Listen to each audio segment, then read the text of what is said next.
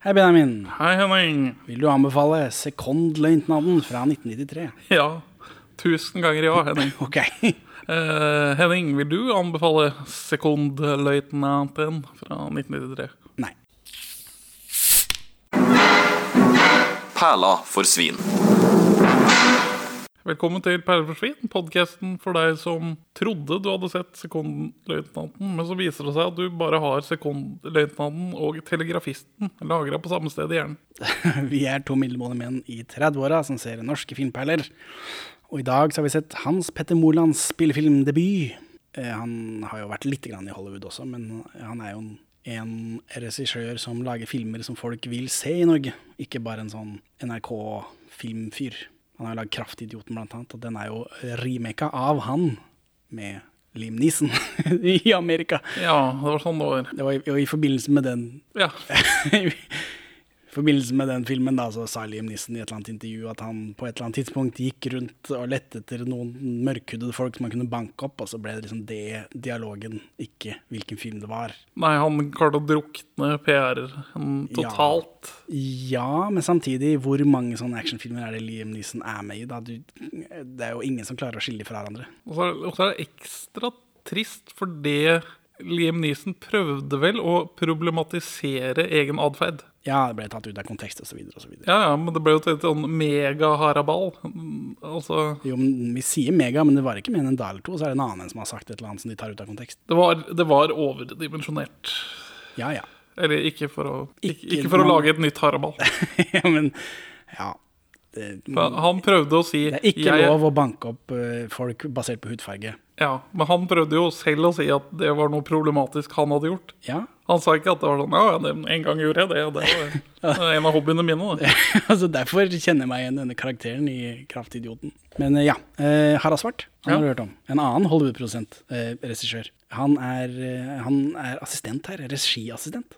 Og dette er 93. Han spillefilmregi debuterer jo i 1998 med denne Hamilton-TV-filmen med Peder Stormare. Så det er lenge før, da. Men, og han har jo drevet med mye reklame og, og sånt noe før, før han spillefilm debuterte. Men han sto her, så jeg tenkte jøsse navn. Ja, da, dette er jo stjernespekket, så det holder i huet og ræva. Ja, norske folk, ja. Men jeg tenkte, det, er, det er to norske Hollywood-regissører bak kamera. Det er ikke alle filmer som har. Og det er liksom tidlig karrieren deres. Før karrieren til eh, Harald Svart. og Aksel Hennie driver bare skater rundt og tagger. Han er ikke noe sted å se. Nei, men han er ikke så gammel. Han er vel 14 år, da. Eller noe sånt. Åpner med tekst. Hva står det? 9. april. Ja. Tyskland angriper Norge, kongen stikker, militæret gjør ikke stort. Og så står det basert på faktiske hendelser mellom 9. april og 7. juni 1940. Stemmer det? Det stemmer. Det er ikke sånn superkonkret basert Altså, det er ikke sånn én til én 'this happened'. Men det er løst basert på en sann historie, og jeg vil si den gjenskaper ånden til det som skjedde da, ganske treffende. Og er en treffende fortelling om 9. april, dog litt tungt vektet mot de få lysglimtene i norsk forsvarshistorie. Du vet, eh, Hunder får sånne leppestifter. Sånn, når de får ereksjon, så sier vi at det er en leppestift. Sånn, sånn har du nå. Ja. altså, altså Det er flere ganger i løpet av denne filmen her hvor jeg får frysning. Ofrer alt, alt for Norge, ofrer alt om vi må. Espen Skjønberg hilser på folk med ryggen til. Eh, Vi snakker om han eh, Espen Skjønberg da, i Fant del 1, episode 67. Ja, for han spiller i den, og lever i dag. Ja. På innspillingstidspunkt så er han i live. 98 år gammel blitt. Det stemmer. Eh, For han er jo barn i Fant. Ja, han lever jo faktisk gjennom invasjonen av Norge, han. Ja, ikke noe stress. Ikke første verdenskrig, da, som denne sekondløytnanten tydeligvis har gjort. Ja. Eh, Så er vi plutselig 8. april.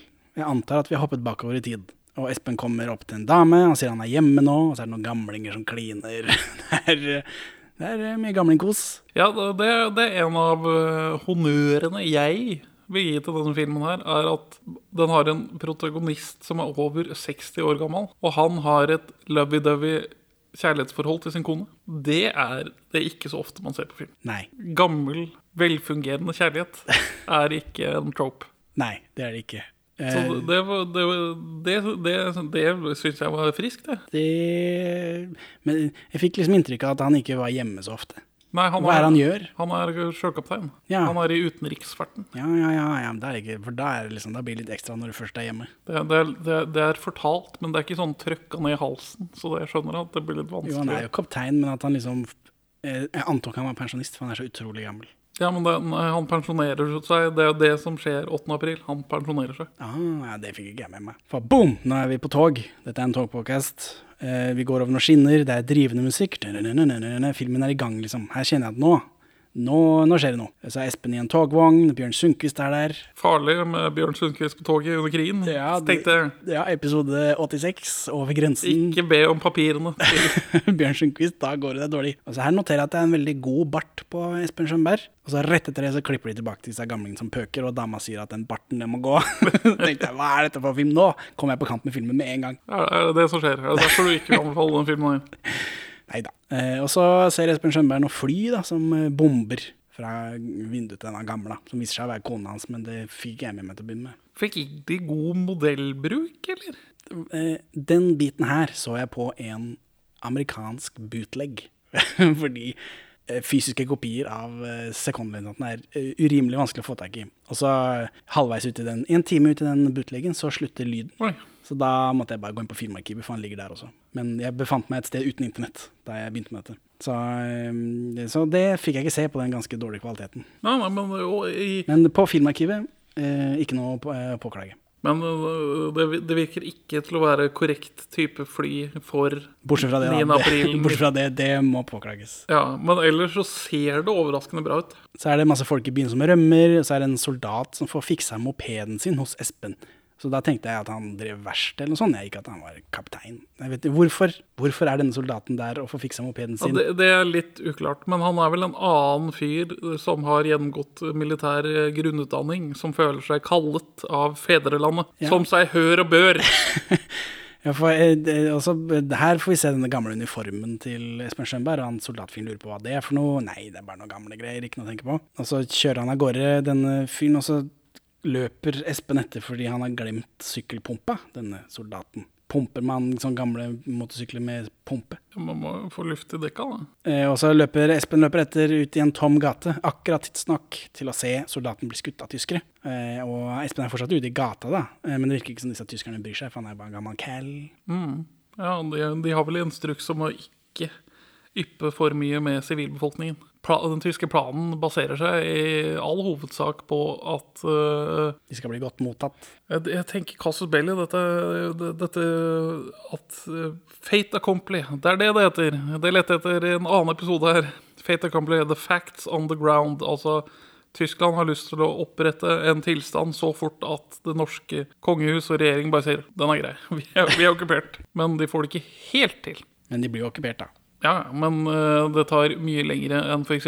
det tok uh, I Danmark, eh, som du drar fra meg eneste gang Nei. Frankrike. Frankrike, ja. Men de fikk ikke hele Frankrike der heller, er det ikke noe sånn halvparten og så? Jo, men det var jo et politisk valg, ikke De okkuperer hele Frankrike i 1942. Men d- dette her blir jo en sånn mikrokosmos av 9. april. For han, han rekker jo å se bombingen av Oslo, eller noe bombing av Oslo.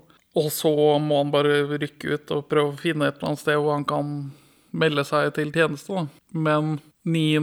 april så er norsk overkommando stasjonert på et hotell rett ved siden av Fornebu. Så de rekker akkurat å se Fornebu liksom Fra vinduene ser de Fornebu bli tatt over av tyske fallskjermsoldater som faktisk lander, og ikke i fallskjerm. Ting går liksom ikke etter planen, men likevel i tysk favør, siden det kommer såpass overraskende på Norge. Så de første tre til fem dagene av invasjonen så har ikke Norge noen militær overkommando, siden overkommandoen får såpass panikk av at tyskerne er så nærme allerede at de bare «Øh, vi, vi flytter til et eller annet sted. Og så har de ikke noen plan for hvordan de skal gjøre det. Og så lar de ikke noen være igjen til å videresende beskjeder. Så alle prøver å ta kontakt med dette hotellet hvor overkommandoen skal være. Men der er det ingen. Så når forsvarssjefen kommer til det hotellet da, 9. april, så finner han at her er, her er det tomt.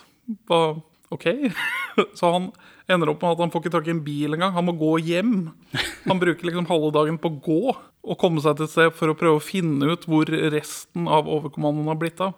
Det, det, det, akkurat det kaoset der føler jeg at filmen klarer å fortelle med det de viser av vår sekundeløytnant Espen Skjønberg går igjennom her, da. Ja, for nå, etter at han har sett denne soldaten bli skutt, så tar han på seg den gamle drittuniformen sin. Og så kommer dama hans ned eh, og kjefter. Han er gammel, han må gi seg, eh, og så sier han at 'det sa du ikke i natt'. Eh, gamlinger, ass. Bare pøker og pøker og pøker. Ja. Eh, og, men alt dette virker å være flashback fra toget. ja. Espen ser på Bjørn Sundquist, så går han og skifter til uniformen sin. Og når han kommer tilbake, så er det en av passasjerene som tror han er konduktør, og da ler Sundquist av han. Tenkte jeg, hva er dette for noe? Få se på billettene, pang! og da blir Espen forbanna. Dette er en kavaleriuniform. Bjørn Sundquist lurer på hvor hesten hans er. Eh, Sundquist skal ikke melde seg til tjeneste. Og Espen lurer på om han er nazist eller kommunist. Sundquist, altså. Og Sundquist sier at han kan holde kjeft. Du kjeft på deg, gubbefaen. Jeg er ikke helt sikker på hva denne scenen Hva det skal tjene til å etablere Bjørn Sundquist på denne måten. Nei, men den, Han viser seg å være en kjernekar senere, men den skal vel etablere motsetningene i det, liksom, den norske befolkningen på et tidspunkt. kanskje. Du hadde de, de vestvennlige, og du hadde de sørvennlige i Norge.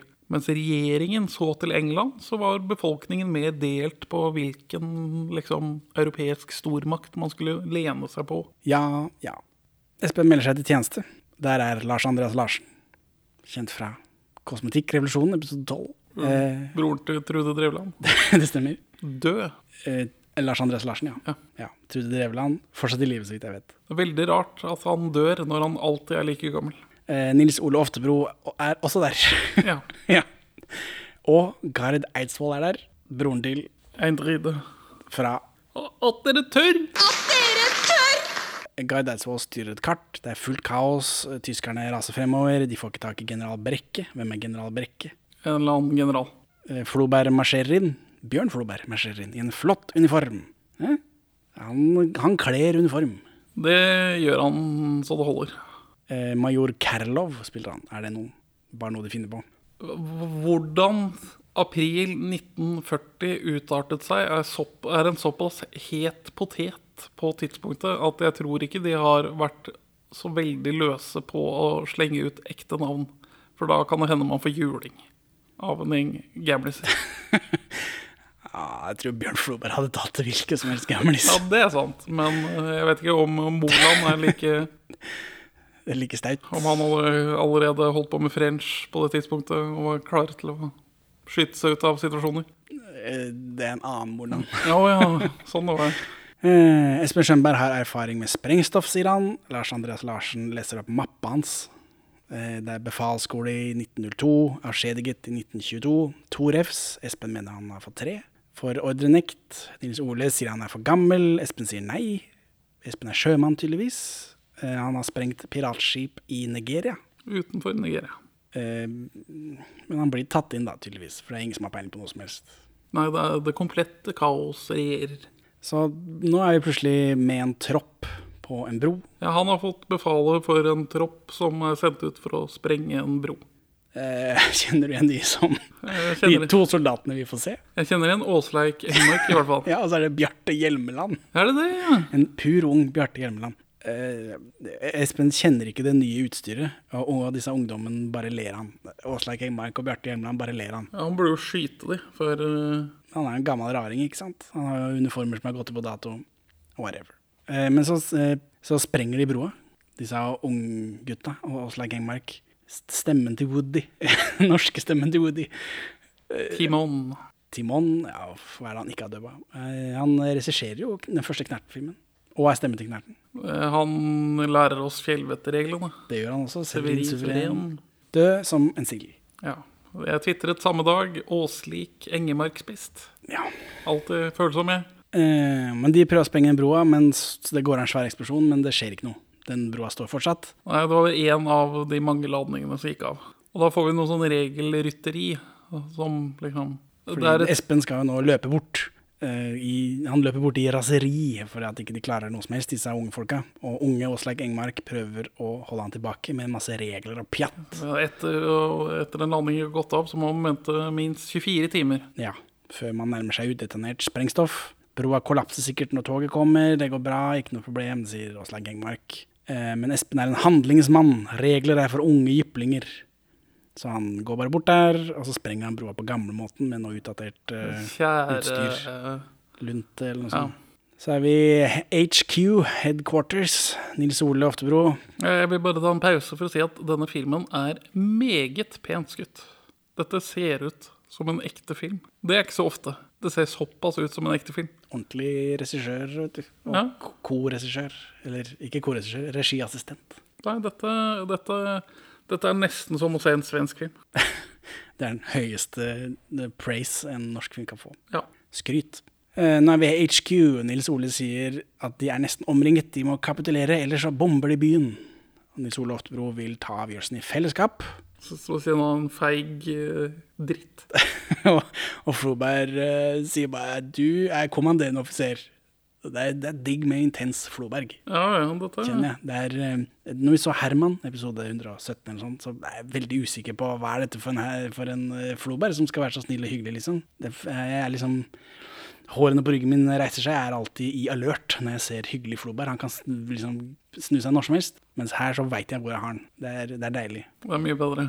Det er det. Men igjen et flott lite mikrokosmos av den, det mislykkede forsvaret av Norge i 1940. Eh, Floberg stikker, han vil ikke kapitulere, mens disse andre folka de stemmer vel for at de skal kapitulere, da. Ja, eh, Nils Ove Oftebro ljuger vel på seg at det var enstemmig, for Ja, han sier det senere, men det er jo ikke det, da. Floberg stemte jo imot. Ja, Men det er noen andre som ikke rekker opp hånda òg, eller? Jeg husker Nei, ikke. jeg tror alle ender opp med å dra lanken i været på alternativ 1. ja. Men Floberg stikker, da. Han vil ikke kapitulere. Når han får kontakt med overkommandoen, så skal han sladre om det som har hendt her. Sladrehanken Bjørn Floberg. Eh, og så kommer Espen Skjønberg inn senere, der alt, eh, alt er tomt. Eh, Gard Eidsvoll driver og brenner noen papirer. Espen går på dass. Nils Ole står i en bås og skal skyte seg. I øyet. Det er ikke sånn man skyter seg, Nils Ove Oftebro. Nei, men han feiger ut, da. Inn i kjeften, ta hjernestammen, så er det over. Ikke, ikke ende opp med at du kan saksøke Judas Priest etterpå. Nils Ole Oftebro i dobåser er også en sjanger norsk film. Ja, det viser seg jo det. Eh, Olsmann 14. Men der også tilbringer jeg mye tid i dobås. Så det, det er stadig og oppdager vi nye ting i podkasten her. Så eh, Espen og Nils Ole vasker hendene sammen. Og så prater de litt sammen, da, så derfor blir vi kjent med hvem Espen Skjønberg er. For til nå så har han bare vært en gammel mann som gjør ting. En handlingsmann. Espen har kone, men ingen barn. Kapitulasjon er uforståelig. Espen sier at det var Nils Oles sin avgjørelse. Nils Ole sier nei, nei, det var felles og enstemmig. Ikke noe problem. Det er jo løgn, da. Ja. Eh, Og Espen lurer på hva Nils Ole skal si til sine barn om dette. da. Og Nils Ole sier at eh, liv ble spart. Det er det han skal si, sikkert. Dårlig. Og Espen sier at all, ikke alle liv er verdt å leve hardt. Ja, det Ja. ja. Du er enig? Jeg er på Team Espen her. Det er bedre å kjempe enn å bare legge seg ned og ikke kjempe. Ja, men hvis, du, hvis den kjempinga di, da, det er masse folk som dør, da. Ja, Ja, Det er helt greit for deg. For å forsvare fedrelandet. Ja. Fedrelandet. For å forsvare stein. ja. Hva er det fedrelandet er bygd opp av, tør jeg spørre? Masse stein. Ja. Vår stein. Nei, ue Steinen vi bestemmer over. nei, nei. Felles i vårt demokrati. uenig. Kom, er og- kom og ta det. Kom og ta det. Det er ikke noe å spare på. Ja, du har tatt det 300-sitatet. Kom og ta det. Og det er bokstavelig talt. Ja, ja, bare kom og ta det. Det er ikke noe sardonsk, eller hva faen det heter for noe. Nei, nei, det er bare, det er bare stein. Det er ikke noe problem. Hadde vi hatt en ledelse i 1940, så kunne vi ha dytta tyskerne på havet. Ja, men det har vi jo ikke for Heia Norge osv. Vi har det for godt. Ja, mine herrer. Alle som er for kapitulasjon, rekker en hånd i været. Espen tar med seg et kongeskjold fra veggen når han går. Kongeskjold. Et eller annet skjold. Riksvåpenet. Noe dritt. Ta med seg noe skrot. Han er sånn som deg, samler på ting. Ja, skrotnisse. Nei, men han, ja, han tar det med seg. Det, Og så truer han en fyr på depot, og så stjeler han masse våpen og greier. Og to lastebiler. Ja. Depotsoldatene er bekymret for at eh, listene ikke vil stemme. Dette her drar jeg kjensel på. Virker true to life. Ja, dette, dette militære byråkratiet har jeg møtt før. Ja. Eh, Og så kom eh, Gard og Lars Andreas og de bemerker seg da at Espen driver og deserterer, ja, og så blir de med. Ja, De skjønner jo at han har tenkt til å gjøre noe. Eh, og Gard sier eh, noen kvinnfolk har kastet blomster på tyskerne. Og så er det ikke noe mer enn det. Hva er dette for noe? Dette er vel en henvisning til at tyskere ble tatt godt imot flere steder de kom. Jeg vet ikke hvor mye det skjedde i Norge, riktignok. Så er det noen av soldatene som vil hjem, eh, og Guide må ofre bilen sin mot sin vilje. Litt som en ganske snill mann, har jeg notert. Ja, men Ofra han bilen sin i den? Eh, nei, men der blir han ofte liksom trykket ned. Ja. Og gjerne Og Bjørn Floberg er der. så, eh, og det er jo også en Hans Petter Moland-film. ja.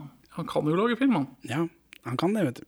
Eh, og så plukker de opp en random fyr, som jeg antar bare skal representere at de plukker opp masse folk på veien. Bjørn Sundquist er vel òg med en ganske snill mann.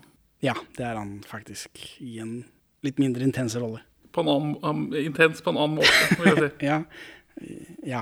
Ja, Du har sittet inne i tolv år, og det er godt nok for meg. Du har feila, men det er fortid. Du har betalt gjelda di til samfunnet. Alle som har betalt gjelda si til samfunnet, har rett til en sjanse til. Jeg snakker ikke om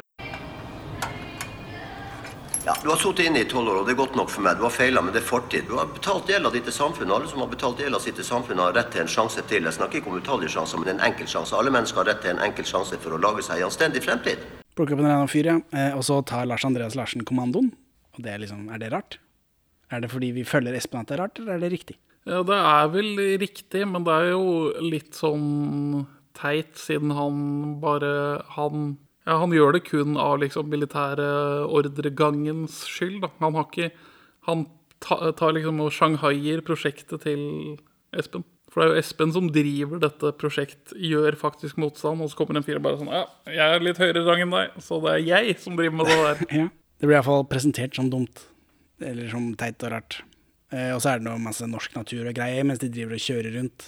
Sånn som det er, må være i alle norske filmer, tror jeg. Det er mye norsk seg. natur i norsk natur, da. Ja, det er sant. Så kommer det til en gammel, sliten drittgård, men de har telefon, som tydeligvis er veldig viktig. Ja, altså Hvis man skal øh, være i kontakt med øh, norsk overkommando, så er det nødvendig. Des desertører pleier de å ha kontakt med norsk overkommando. Ja, men øh, Hva er dette for et opplegg? Er det lov, eller er det ikke lov? Øh, han har vel Han later vel som at han ikke har fått med seg at hans overorden har kapitulert også på hans vegne. Ja, det han- gjør han. Senere, i Det hvert fall. finnes jo en sånn øh, instruks, eller den ble kanskje utarbeidet etter krigen, som for å unngå det, de, det som skjedde mange steder i Norge, det det er plakaten på veggen. Har du hørt om den? Det er sånn. Hvis man har noe sånn befalsutdanning i Forsvaret, så får man den plakaten, og skal man ha den på veggen hjemme. Og den inneholder liksom et sett med regler for hva man skal gjøre i krig om man ikke er i direkte kontakt med kongen og Forsvarets overkommando. Som gjør at du på eget initiativ skal gjøre sånn som Espen Skjønberg her gjør. Du skal ikke bare si sånn Oi, dette var skummelt. Nå tar jeg som sjef her og bare legger ned all motstand i mitt distrikt. Du blir er liksom lovfesta til å faktisk organisere motstand på tross av å ikke få ordre fra høyre hold. Altså du skal bare kjempe videre liksom uansett. Uh, og det er litt det den ånd, denne sekondløytnanten holder på. Da. Det er sånn, vi kan jo ikke bare legge oss ned, vi må jo kjempe og forsvare landet vårt. Dette er mer en fyr fra 1905 enn en fyr fra 1940. Ja. Det bor folk på denne gården, da. To rare bønder. Og det ene er Erik Øksnes. Han Ja. ser vi hele tiden, og jeg har aldri hørt om han før jeg begynte med podcast. Nei, men han har jo et veldig gjenkjennelig tryne. da. Hva er det vi har sett nå igjen? da? Eh, Han dukker vel først opp i Absolutt blåmandag. Han spiller faren til Britt Ja. Elisabeth Aagensli. Og så er han med i en Olsmann-film. Han bærer noe skap frem og tilbake. Eh, han, han driver med mus i Nitimermordet. Ja. Liksom, han er overalt. Eh, og Gard eh, benytter anledningen til å mobbe disse bøndene, da, fordi det er et drittsted. Så jeg er ikke helt sikker på hva han vil med det. Men inne så har det et svært kapell og greier. Da. Så det er liksom ikke så verst, eh, denne gården. Det ble gjort om for midlertidig kommandosted da, for denne improviserte avdelingen. Eh, og så vel inne så ringer eh, Espen Schønberg general Brekke og ber om flere mann. Eh, og Espen må, må mobilisere gjennom lensmann, får han beskjed om. Er, er det lovlig, eller er det, Ja. er det lovlig eller ikke, det, dette? Det- Nå har han, nå har han fått Men først så deserterte han jo. Han tok med stjal masse ting, og så dro han. Han deserterte ikke, han De sier det i filmen. Ja, jeg syns det blir litt sjofull beskrivelse Han av hans truet depotsoldaten med våpen. Ja, det er vel strengt tatt ikke lov. Nei, skulle ikke tro det. Uansett, Lars Andreas blir forbanna fordi Espen har ordna alt. Det er jo Lars Andreas Larsen, bror av Trude Drevland, som har kommandoen her. Ja. Eh, men eh, han gjør jo som han har fått beskjed av Brekke, og begynner å ringe rundt til lensmenn i distriktet og få de til å sende menn i vernepliktig alder. Og da kommer det masse random folk eh, med masse ræva utstyr. Dette, dette, altså, dette er jo basert på det mest kjente slaget Dette er basert på slaget om Vinjesvingen. Hvor da en, en gammel sekondløytnant som har virket som kaptein og ikke vært i militærtjeneste på veldig mange år, møter opp i det en avdeling legger ned, liksom. Legger ned kampen. Og så er han bare sånn mm, nei. Jeg må samle sammen en gjeng, ta masse greier, og så drar jeg til et spesifikt sted for å opprette en tilfeldig forsvarslinje. Ja, en tilfeldig forsvarslinje. Ja, et eller annet uh, Altså, i dette uh, fjellandskapet i Telemark, da, så er det ikke så uendelig mange veier gjennom distriktet. Så med mindre styrker så kan du avvise ganske store styrker. Fordi du har liksom ikke noe annet valg enn å ta den ene veien som går der. Så det, dette, er, dette er ganske tett basert på virkeligheten. Ja ah. Tja. Tja. Tja. Denne filmen slutter litt brått for meg, men vi kommer jo til det. Eh, det kommer masse random folk med random utstyr. Eh, og så kommer det et brødrepar. Kjenner du en av dem? Kjenner, Ja, men jeg klarer ikke å helt Kjenner du igjen Roy Indiana? Er det Roy Indiana? Fra Sweetwater. Shit, fuck. Uh, Indiana Roy. Roy Indiana uh, med, med broren sin, da. Og Roy Indiana blir kontorarbeider mot sin vilje. Så er det han broren da som liksom skal ut og skyte tyskere. For hvis ikke han får skyte tyskere, så gidder han ikke å være her. Nei. Kjenner du deg igjen? Ja. Og så er det natta. Uh, Roy Indiana får telefon om turister. Det er uh, humorbeskrivelser av tyske soldater. Å ja.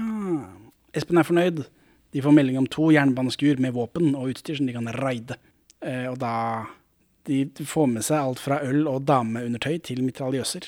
Ja. De, de drar til disse skurene, og så kaster de bare kasser inn i bilen sin. Og så er det en tysker da, som, som buster dem. Men, To tyske befal som bøster kommer i en eller annen kubelvagen Nei, ikke kubelvagen, et eller annet eldre kjøretøy og tar dem. ja, men den ene sitter i bilen. Det er bare den ene som er ute og buster dem. Og da buster blir- gard. Ja, Som da sier, skyter opp armen og sier heil, heil Hitler, og da kan jeg dø lykkelig, nå som jeg har hørt Garvid Eidsvoll si heil Hitler. ja. Han sier han er fra Nasjonal Samling, så han tenker liksom på beina. Ja, Vidkun Johansen heter han. Ja. Men så tar tyskeren av han jakka da, og ser uniformen hans at dette er jo ikke nasjonalsamling-uniform. Så da klarer resten av gjengen å overmanne denne tyskeren, mens Gard beiner av gårde for å skyte han i bilen. Noe han får til. Gard er hard. Ja, men han syns det er vanskelig.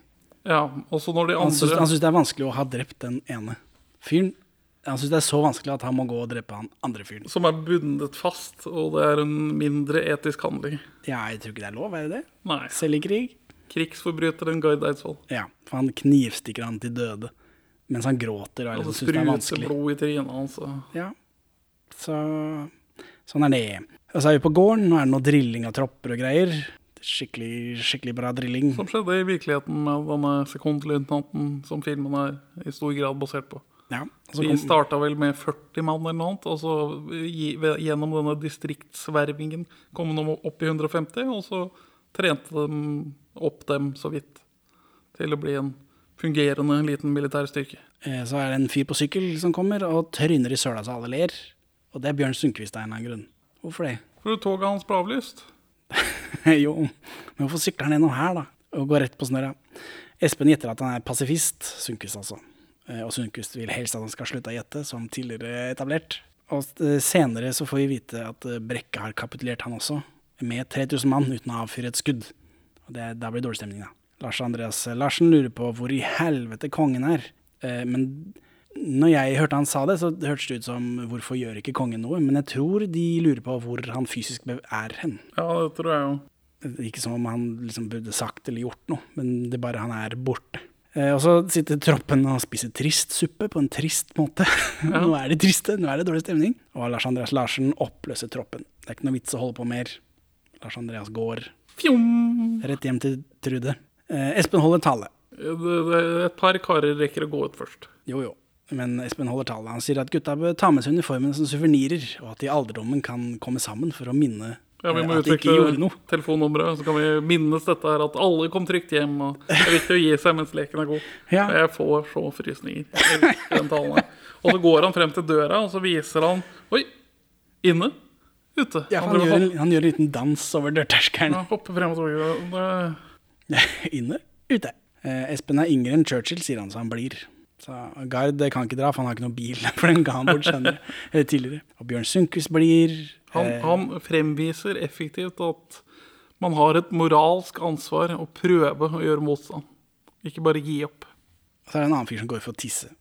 Ja, jeg skal bare tisse. Nei, ja, den filmen her er overraskende snerten humor. Jeg ler ofte. Det, det, den gjennom å faktisk ha karakterer. ikke sånn-. Ikke bare sånn jeg Det er ikke så mange gags. Hæ? Det er ikke så mange gags. Nei, nei, men man har forskjellige karakterer som faktisk skal spille at de har indre liv og ting som skjer inni dem. Ikke at de bare sier ting kun for å drive handlingen fremover. Man etablerer karakterer. Man viser dem i forskjellige situasjoner. De vokser, de endres, de, de gjør ting. Og da oppstår det kjemi mellom dem. ja. De Er sier ikke, ikke bare linjer. har du ikke sett film før? Dette, Har du ikke sett ordentlig film før? Dette er første gangen i podkasten, nesten. Ja, vi har sett eh, En ganske snill mann. Ja, det er sant. Ja, men så når Bjørn Sundquist trynet på sykkel, da lo du. det var Det det, var, det, det var ikke det morsomste. Men jeg, jeg, jeg, som jeg har, jeg har stått i oppstilling med en tropp og sett den andre drite seg ut. Og det er litt ekstra morsomt når noen driter seg ut mens du må stå stille på en veldig spesifikk måte. Det, det, det er morsommere enn om man ikke hadde måttet stå stille mens det skjedde. Senere, Espen kjefter på Bjørn Sundquist for at han ikke har på seg uniform. Eh, for han skal plutselig være nestkommanderende nå. Sundquist er biokjemisk ingeniør. Han har vært i Spania, sikkert på Mallorca og Tana og drukket Mai Tais, kosa seg. Eller? Nei, han er kommunist som har kjempet i den spanske borgerkrigen som en ekte mann.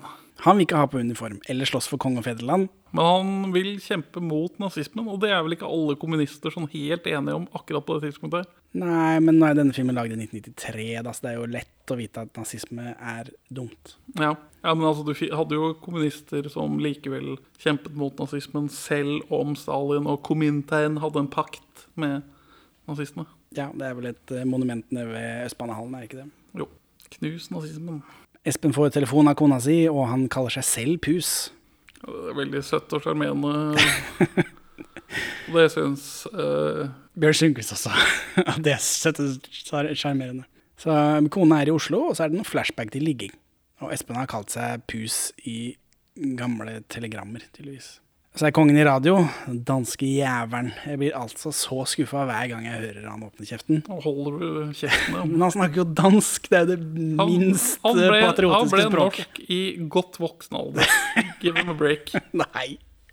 Det er så tullete at vi holder på med det kongegreiene ennå. Han reddet Norges ære under krigen. Ja, Så er det noen nye rekrutter, inkludert Lotter. Hva er en Lotte?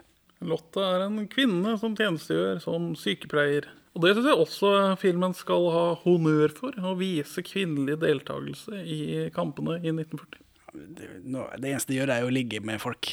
Så jeg vet ikke, jeg. Vet ikke. Altså, ikke. Det er ikke sikkert de gjorde det i 1940, men i filmen her så er det vel det eneste vi ser de gjøre. Nei, vi ser dem tilby medisinsk hjelp, lage mat, få kjeft, Kvinneting. plystre. Bra. Eh, ja, det gjør de også. Eh, Roy Indiana flørter med disse damene. Espen sier det er ikke lov å knulle. Ja, det er altså øh, greit nok at vi øh, sliter med øh, underbemanning i hæren nå, men å, å drive forøkelse, skaffe Norge nye soldater på denne måten, har vi ikke tid til akkurat nå. Kjempegøy. Ja, eh, rar måte å si det på, men, men det er ikke lov å knulle. Den ene dama plystrer på Espen Skjønberg. Ja, for han gir beskjed om at hvis det skal plystres, så må det være melodiøst og grent.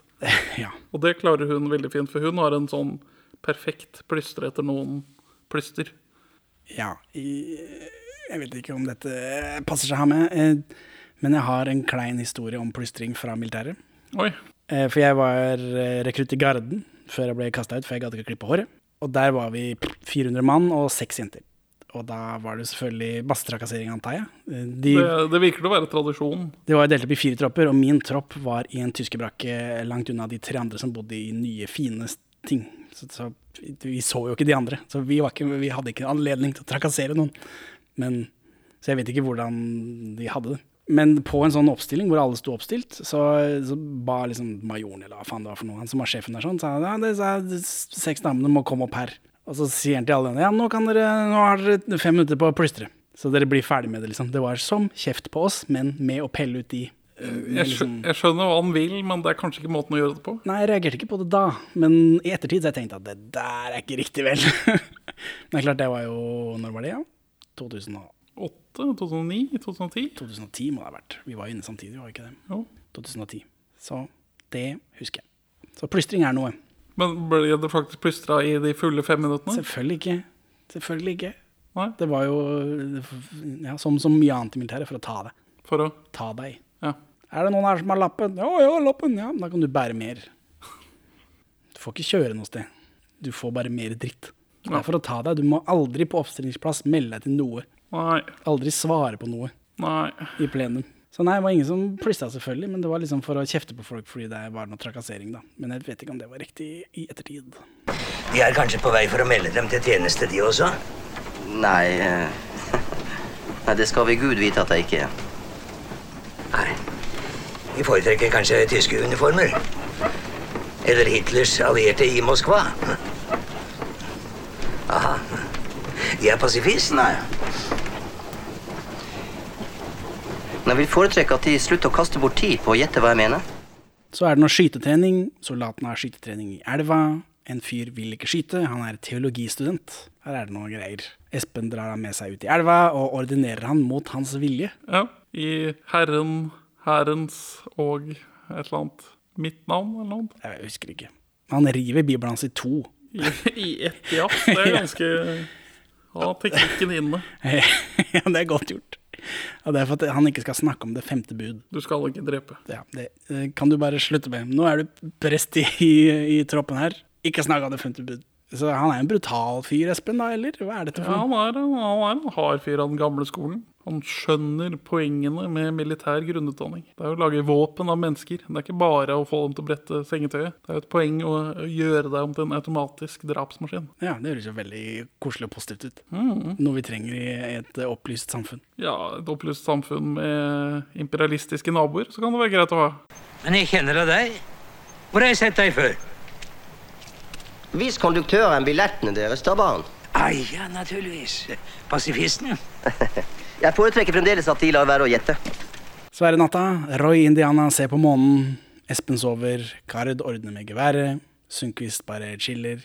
Eh, Det ringer, og nå skal de i aksjon. Det er ettertenksom og rolig musikk, ikke actionmusikk. Så, og resten av soldatene vekkes, det regner, de lastes på lastebiler. Det er liksom å shit, nå skjer det. Men så er det ikke sånn hurra, hurra, nå skjer det. Nei, men altså det Dette er vel en del av sluttalen min, men eh, den her typen krigsfilm er det vanskelig å lage en, i denne Hollywood-Norge-film-dritt-virkeligheten vi bor i, hvor man liksom har Vi har én macho-helt, og han er involvert i alt som skjer hele krigen. Altså Max Manus-fortellingen, liksom. Ja, vi får se da med kampen om Narvik, eller hva det er for noe. Dette er jo et lite sånn bitte lite stykk av krigen. En bitte liten fortelling som sier noe mer om det hele, istedenfor at vi har en Rambo-fyr i midten som er med på det hele. Dette, dette, dette liker jeg veldig godt.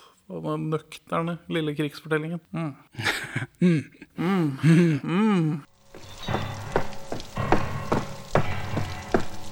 Heil Hitler! Og så er det dagslys, de ligger i bakhold på en bro. Og så kommer det noe, det. De ligger ikke i bakhold på en bro. de ligger i bakhold eh, for å bakholde broa. Hva heter det da? da? Ja, De ligger i bakhold og ser Komma bro. og, og ved en sving som leder til en bro. Ja, whatever. De ligger i bakhold på en bro.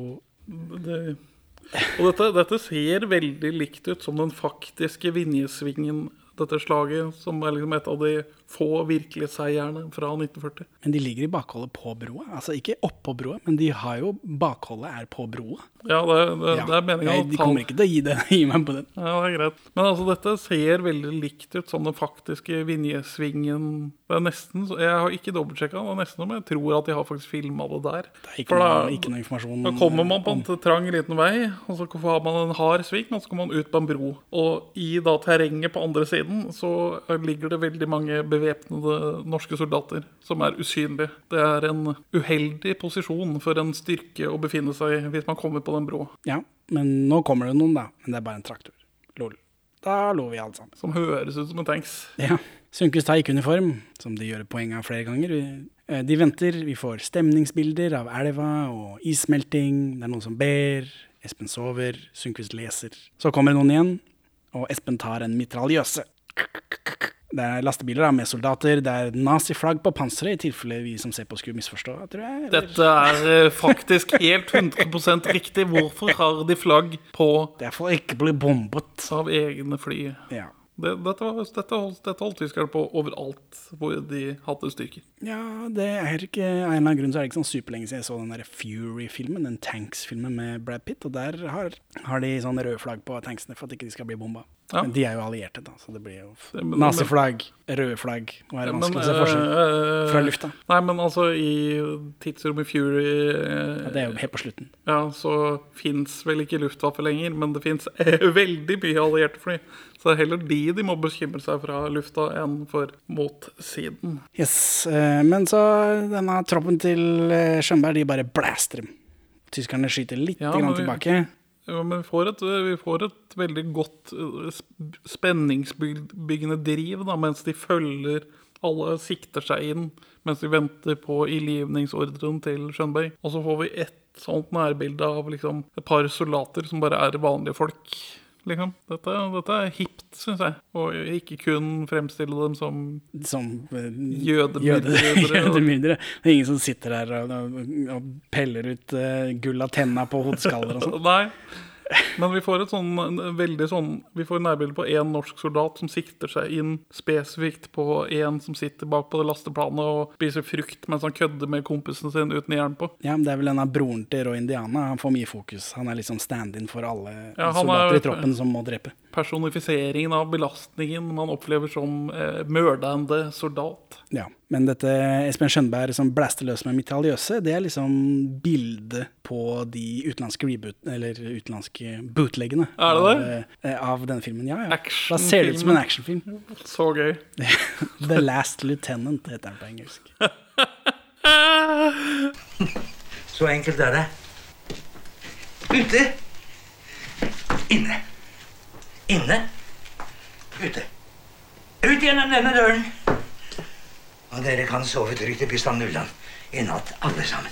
Uansett, de blaster dem. Tyskerne skyter litt tilbake før en offiser liksom overgir seg. Eh, Så nå får de plutselig masse fanger, denne drittroppen på den Ja. gamle drittgården. Så da er det plutselig det problemet, da. Ja, For de har jo satt opp en fantastisk, et fantastisk bakhold, som skjedde i virkeligheten nå. Broren til Roy Indiana, som ville drepe tyskere, syns jo nå at ikke det var så gøy å drepe tyskere. Nei, for Som en fortsettelse av denne personifiseringen av å være mørder, så plukker han med seg et appelsinskall med blod på for å huske han han har drept. Ja, eller jeg vet ikke. Men Sundquist støtter han, da. Er støttende mot broren til Roy Indiana. Så er vi tilbake på gården. Eh, Nå kommer Floberg. Jeg er glad for å se han igjen. Eh, Han kartlegger resterende styrker for kongen, sier han.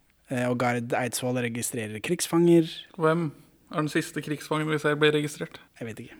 Harald Eia. Er det Harald Eia? Ja. Ja, det så jeg ikke. Ja, så du den ikke etterpå heller? Etterpå. Vi får en, en, en begravelse. Jo, eh, Da får vi Harald Eia rett opp i trynet. Men ja, da, jeg kjenner igjen kinnbeina til Harald Eia. Bare da, da er Leonardo DiCaprio peker jeg på skjermen. Ja. Floberg lurer på hva Espen skal gjøre når skikkelige tyskere tropper kommer. Ikke denne. Da kommer en brigade, og ikke bare en fortropp. Han får ikke svar, da. Eh, Og Espen får ordre om å fortsette, så drar Floberg. Så da føler jeg liksom ja, det er greit det han driver med da. Det er ikke liksom ulovlig, for jeg trodde det var ulovlig alt sammen. Eller? Han, han utnytter jeg, jeg vil ikke si at bortsett fra det å stjele militære varer, så gjør han ikke noe direkte ulovlig, men han utnytter ka en kaotisk situasjon. Det er jo ikke helt lovlig å drive og skyte folk hvis ikke man har hjemmel til det. Hvis man Jo, er utenfor systemet, eller Ja, men altså i, I dag, når vi har fungerende kommunikasjonssystemer, går til angrep på en teologistudent, er det lov? Ja, spesielt det. Eh, I dag når vi har fungerende kommunikasjonssystemer, så må man forvente at tropper er i kontakt med ledelsen mer eller mindre hele tiden. Men på dette tidspunktet så tror jeg ikke tyskerne ville liksom si ja, dette er krigsforbrytelser, disse har ikke direkte ordre om å være akkurat her. Nei, tyskerne får ikke gjort så mye, de er jo skutt. Det kommer andre tyskere. Å ja. Meld deg på kontoret. Vi trenger en skriver. Er keivhendt. Broren min kan skrive engelsk til og med. Ja, det er bare tre ord, det. To be or not to be. Det er nå fire, det, da. I byen så driver folk og snekrer likkister, og soldatene vasker seg. Broren til Roy Indiana vasker hendene veldig intenst da, og griner. Som jo er noe man gjør hvis man ikke liker å drepe, selv om man syns det er gøy å drepe. Til å begynne med, før man har gjort det. Eh, tyskerne begraver sine falne under vakt. Prestefyren er der. Tyskerne synger. Så er vi i kapellet. Espen kommer rasende inn og leter etter jakka si. Og ene dama da, har sydd på flere stjerner, men de har ikke stjerner nok, så han får bare én skulder. Ja, for, øh, Så han er nå eh, felt forfremmet til sekondoberst. Ja, for, for eh, Bjørn Sundquist har soldathåndboken og viser til at uh, rang følger stillingen man har. Så hvis man er kommandant, som nå Bjørn Floberg har gjort han til, så er er han de facto oberst. Men de har ikke nok stjerner, så han blir til en blandings. Han har én sånn klaff på en skulder hvor han er oberst, og så har han én hvor han er sekondløytnant. Så han blir da sekondoberst. Morsomt. Hyggelig. God stemning. Så er det senere. eh, Nå er Oi sann, ja. ok. Jeg leser bare notatene mine som de står. Senere, Roy Indiana rimmer hun ene dama, og så puler de på bordet hun, hvor hun lager brød. Ja. Det, det er veldig hipt da, i 1993 å ha rimming. ja, men det tror jeg er det som skjer. Ja, det ser veldig Han stikker huet under skjørtet på rumpesiden. Ja. Før det liksom Og så drar han ned trusa. Ja, eller Men så får vi et virkelig aktivt samtykke fra henne. Det, det blir liksom ikke noe tvil at hun er med på Nei, men det har jeg jo ikke hatt heller, for hun har jo holdt på Hun er jo sånn eh, Hun og Indiana har jo et godt eh, øye til hverandre. Ja, ja, men altså det er ikke, Så jeg har ikke gått rundt og vært redd. Nei, nei, men hun ber han først om å stoppe og bite henne på leggen, men så gjør hun ikke motstand når han tar uh, hodet opp under skjørtet hennes. Nei, og- tar tunga inn i rumpa hennes. Og så øh, Hun deltar aktivt, liksom. Hun snur det om til at nå skal vi ligge oppå brøddeigen her. Som faller inn i denne norske tradisjonen om å pule på rare steder. Som, Pule på mat. Øh, Ja. Enten om det er i fisk Det er også en krigsfilm, er ikke det? Jo. Om det er på sjarker øh, i fisk, eller på bord med brød. Vaskemaskin i søppelfylling i Tofferoma. Nevn i fleng. Uh, Espen ser dette, da, men han gidder ikke å forstyrre, selv om han har gitt ordre om at det ikke er lov å pule. Nei, han burde egentlig gå inn og skyte Roy Indiana i kukken. For uh, insubordination. Eh, Så er det senere. eh, Sundquist og Espen snakker. Når man verver seg i den spanske borgerkrigen, så mister man statsborgerskapet. Hardt. Det stemmer det, da? Jeg vet ikke. Aldri hørt om.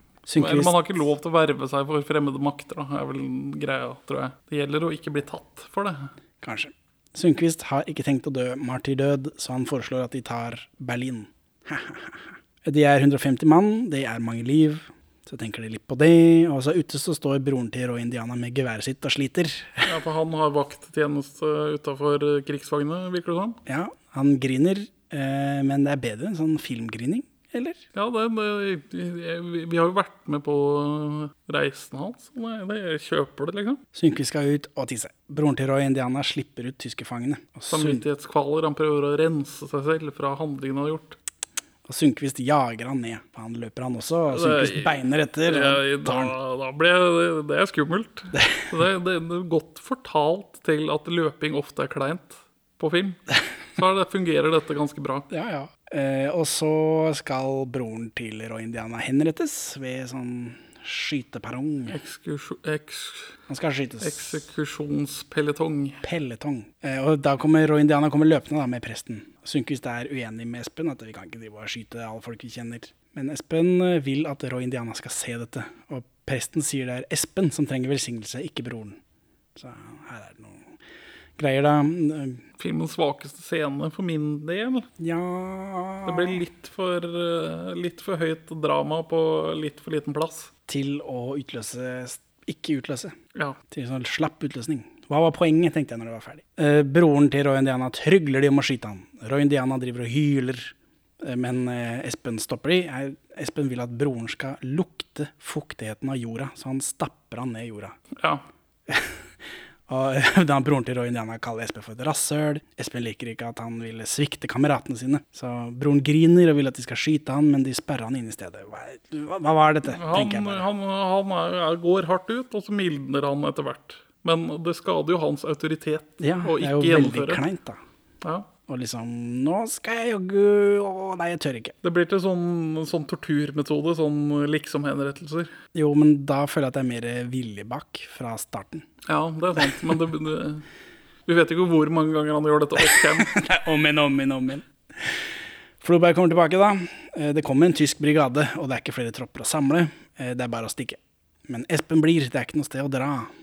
Så Ja, for i den virkelige planen til denne sekondløytnanten ved Vinjesvingen eh, Planen hans var å da holde dette knutepunktet, da, altså hvor en eller annen knølete vei går gjennom fjellheimen. og det er, Holder vi dette, så Og vente på at ressurser fra Vestlandet skulle komme og hjelpe dem. Liksom. Stopp, vi stopper tyskerne her, og så får vi etter hvert støtte vestfra. Men så, i virkeligheten, så får han da høre at de i vest også har kapitulert. Og da er de omringet på alle kanter. Og da, ja, da legger han ned prosjektet. Eller han prøver, å, han prøver å snakke med tyskerne, men de krever total kapitulasjon, og det gidder ikke han å gå med på, så han lar alle soldatene sine ikle sivil og snike seg ut. Og så er det bare han selv som kapitulerer. ja. Floberg drar da i hvert fall. Eh, Og da virker det som om Espen kanskje tror at det er bløff med denne brigaden. Eller? Ja, Jeg får den følelsen, men eh, jeg tror ikke det er det. Synkvist går rundt blant opphengte uniformer. Espen snakker med Gud om kjærlighet og greier. Og utenfor så har Sundquist tatt på seg uniformen, da, som er jo, har vært en greie. Ja, for, eh, Skjønberg har vel prøvd å forklare han at uniformen er et funksjonelt plagg, og du har vel ikke lyst til å bare vreke dressen din, liksom? Så dagen etter, Espen sover i kapellet til summing av fluer. Og så går denne fluelyden sømløst over i lyden av fly, og vinduene som blir blåst inn av en bombe. Eh, effektivt. Ser ut som det er en Focke Wolf 190. Jeg tror ikke den kommer i tjeneste før året etterpå. Herregud, år etterpå. Sekondløytnanten er kansellert. Tenk at det går an å lage noe sånt makkverk. Se jo dra til helvete det! Espen løper ut, da, og den første døde han finner, er Bjørn Sundquist. Wah, wah, sad trombone. Veldig god til å spille død. Overraskende god. Han er jo med i nesten alle filmer i hele verden, men jeg tror ikke han er død så ofte, Nei, som jeg kommer på. han dør i dødsnø. Det gjør han, det er sant. Men der er en dokke, tror jeg. Ja. Uh, Espen griner da, uh, i det som føles som de er midt i et angrep, men det var visst over allerede. ja, flyangrep er ofte bomba droppa, tingene er over. Jo, jo, men jeg så for meg at det var mer ting som skjedde samtidig. Ikke at de flyene kom alene. Nei, det var ikke en perfekt combined arms-operasjon fra tyskerne, dette. Nei. Eh, alle sammen står og griner. Gard, dama, alle. Og senere så begraver de Sundquist til fader vår. Og så er det vinter. Espen og Gard eh, de er i en fin bil og ser i kikkert. De ser masse tyskere, beltebiler og det ene og det andre. Og så er vi senere. Gard har stilt opp troppene. Espen sitter inne og sturer. Han, han vil ikke gi ordre om noe som helst. Ikke tilbaketrekning, ikke at de skal bli. De som vil bli igjen sammen med han, kan det, og så går han. Og så bare, alle bare pælmer våpenet. Espen sitter og sturer på rommet sitt. Alle drar. Det er bare Espen Skjønberg igjen. Han ringer kona.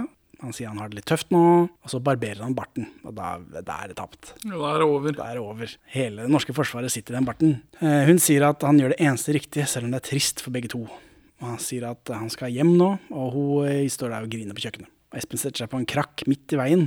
Og så zoomer vi inn på ansiktet hans mens lyden av konvoien blir høyere. Fade to hvit. Slutt. Ja. Bu, sier jeg. Bu, sier du? Dårlig slutt. Dårlig slutt. Herregud, det er ikke Det, det var skuffende, det.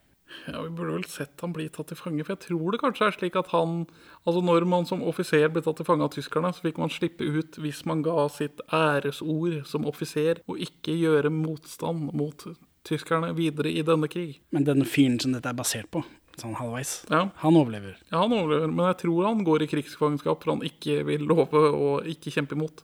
Det er ikke helt til hans karakter. Nei, det virker jo ikke da, men, eh, men han overlever krigen. Han blir ikke sendt til Auschwitz. Nei. Eller Nattschweiler Stutthoff.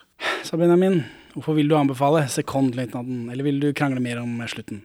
Nei, Vi burde snakke mer om slutten. Slutter med en gang. Slutter, de setter opp masse ting. Jeg blir investert i karakterene, og så går de hjem, og filmen er slutt. Ja, for du vil ha en mer sånn norsk last stand. Du vil ha det forrige slaget, bare på større skala. Eh, jeg, jeg vil i hvert fall ha en eh, utløsning på det som er bygd opp, på en måte. Det er bare, bare Det er én bombe, Bjørn Sundquist dør, og så går alle sammen hjem. Jeg føler ikke, jeg føler ikke dette tilfredsstiller ikke meg. Nei, for de er, de er vel i hvert fall i tre større trefninger med tyskere. Så de kunne vel påkostet seg å hatt med i hvert fall én til. Igjen da, så er Det er ikke så lenge siden jeg så Fury. Der, uh, Har du sett den? Ja. De, de stopper den tanksen sin på et tidspunkt, eh, det beltet går i stykker, og så kommer det masse uh, folk. Film slutt? Nei. Du ser alle folkene som kommer, og så skyter de og dreper og ordner og styrer. Ja, men- sånn er det man avslutter filmer. Benjamin. Ja, men den er jo løst basert på virkelige hendelser, og det var ikke noe sånn Nei, men De eh, kjempet ikke til sistemann, sånn som man gjør i Fury. Nei, men De trenger ikke å kjempe til sistemann heller. Altså, bare Jeg vil se Espen Skjønberg gjøre noe med disse tyskerne som kommer. Så Se han blir tatt til fange da. At han, Ja. at han, han han sier, kaller de drittsekker og spytter på en eller annen eh, general, nazigeneral, og så blir tatt til fange. Noe. Han sitter på en krakk. Jeg aner ikke hva som skjer jeg nå. Det er kjempedumt. Ja, det det syns jeg blir flisespikking.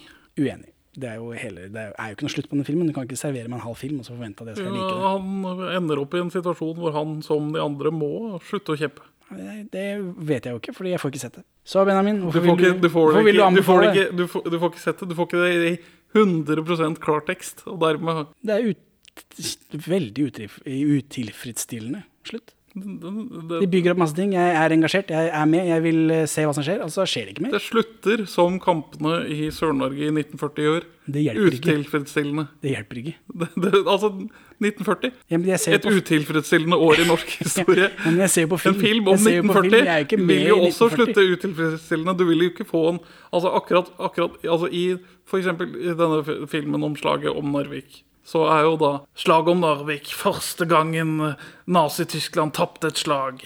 For na, tyskerne tar over Narvik, og så tar vi, Nar vi franskmenn og en gjeng polakker og et par briter. Det er vel bare han ene fyren fra Kompani Lauritzen, tror jeg, som gjør det. For han er sett på plakaten. som da beseirer denne styrken. Og det er liksom første seieren mot Nazi-Tyskland. Eh, og så er det sånn ah, Nei, vi må trekke oss ut siden det går så jævlig dårlig i Frankrike. Og så taper vi der likevel. Den, den vil jo også slutte utilfredsstillende. Nei, jeg mistenker at nå er ikke, Det er jo ingen som ser den filmen, for den kommer aldri ut. Men, men jeg mistenker at de vil ha noe annet i filmen da, som vil gi meg en slags utløsning. Selv om historien er Altså den ekte historien. Ikke historien i filmen, men historien i historien. Selv om den vil ende med at de må trekke seg tilbake, så tror jeg det vil være med andre elementer i filmen som vil binde det opp på en tilfredsstillende måte. Det i hvert fall sånn man lager film av ordentlige historier som ikke har god slutt. Jeg syns det var korrekt utilfredsstillende. Deg om det. Så Benjamin, hvorfor vil du anbefale Sekondløytnanten Nei, fra 1993? Jeg, jeg skjønner egentlig ikke hvorfor jeg ikke har sett den før. For dette her, dette Altså, Den ene liksom, overordnede kritikken jeg har av filmen, er jo at det blir jo da litt vel tungt fokus på denne ene lille lykkelige historien fra 1940, som liksom da er et ulykkens år, og forsvaret av Norge i det store og det hele var totalt mislykket. Så føles det litt teit å bare følge denne lykkehistorien for det meste. Men vi vet jo at forsvaret av Norge er større enn de 30 gubbene vi ser her. At, Norge er større enn dette. Og vi får jo Ja, også men- en følelse av systemet rundt som kollapser. Ja, ja, men øh, det, det kunne vært mer kollaps, da. Men, men altså, men, og da, øh, den klarer likevel å fortelle, da, denne kollapsen. Den, den gjør det. Den er en sånn søt liten historie hvor man, filmen er cinematisk filmet, og vi følger karakterene, og det er ikke, all, ikke alt som skjer er kun for å tjene drivende plott. Det er en sånn meditasjon rundt dette traumet som kampene i 1940 utgjorde for det norske folk og folkesjel og vårt lands historie. Det, det, det, nei. Jeg, jeg var beveget og bergtatt eh, praktisk alt hele filmen gjennom. Se denne, vær så snill. Så Henning, hvorfor vil ikke du anbefale denne filmen? Jeg var beveget og bergtatt eh, praktisk talt hele filmen igjennom, men så slutter det bare. Og da ble jeg så sint. Ok, så du er bitter på denne Ja, jeg, øh, men det er, øh, det er gøy Den første biten når han først liksom verver seg, med å legge Engmark og Bjarte Hjelmeland og greiene der sånn, tenkte jeg åh, wow, det er gøy. Dette har jeg ikke sett før. Norske soldater ble fremstilt som idioter. Ja, det er friskt. Ja, eh, og, og, så må de liksom sette av plass til denne gamle mannen, da. Og vanligvis i sånne norske krigsfilmer så er jo alle norske soldater helter hele tiden. Alltid. Eh, men så blir det bare borte plutselig. Eller det er bare den ene scenen. Etter det så er det Da har alle sammen dratt, hvis jeg får ikke se, får ikke se flere ordentlige soldater. Da er det bare den der lille gjengen til, til eh, Espen Skjønberg. Eh, Overkommando og sånt nå, de er alltid idioter i norske krigsfilmer, så det er ikke noe problem. Det ser vi hele tiden. Jeg følte ikke det var så friskt. Det var disse gutta på gulvet som også ikke hadde peiling på noe. Som, som jeg syns var friskt Ja, men vi pleier ikke å bruke så mye tid med å se at overkommandoen er idioter, som vi ser her, da. Eh, Kongens Nei var det veldig mye overkommando som var idioter. Da. Ja, men den er jo veldig ovenfra og ned-fortellinga om Ja, nettopp. Men det er det jeg sier at Men altså, ikke alle filmer noensinne lagd i Norge har med seg overkommando. Jeg føler ikke Kongens Nei får med den militære kollapsen uh, så godt, da, siden den har kun dette slaget ved Midtskogen igjen, da, som liksom er action set-piecen i den. Ja, men der rømmer vi jo bare. Vi har ikke tid til å henge igjen med disse som kollapser. Ja, vi klarer jo å avvise en tysk styrke som, en spes tysk spesialstyrke som er spesielt satt inn for å ta kongen. Og bare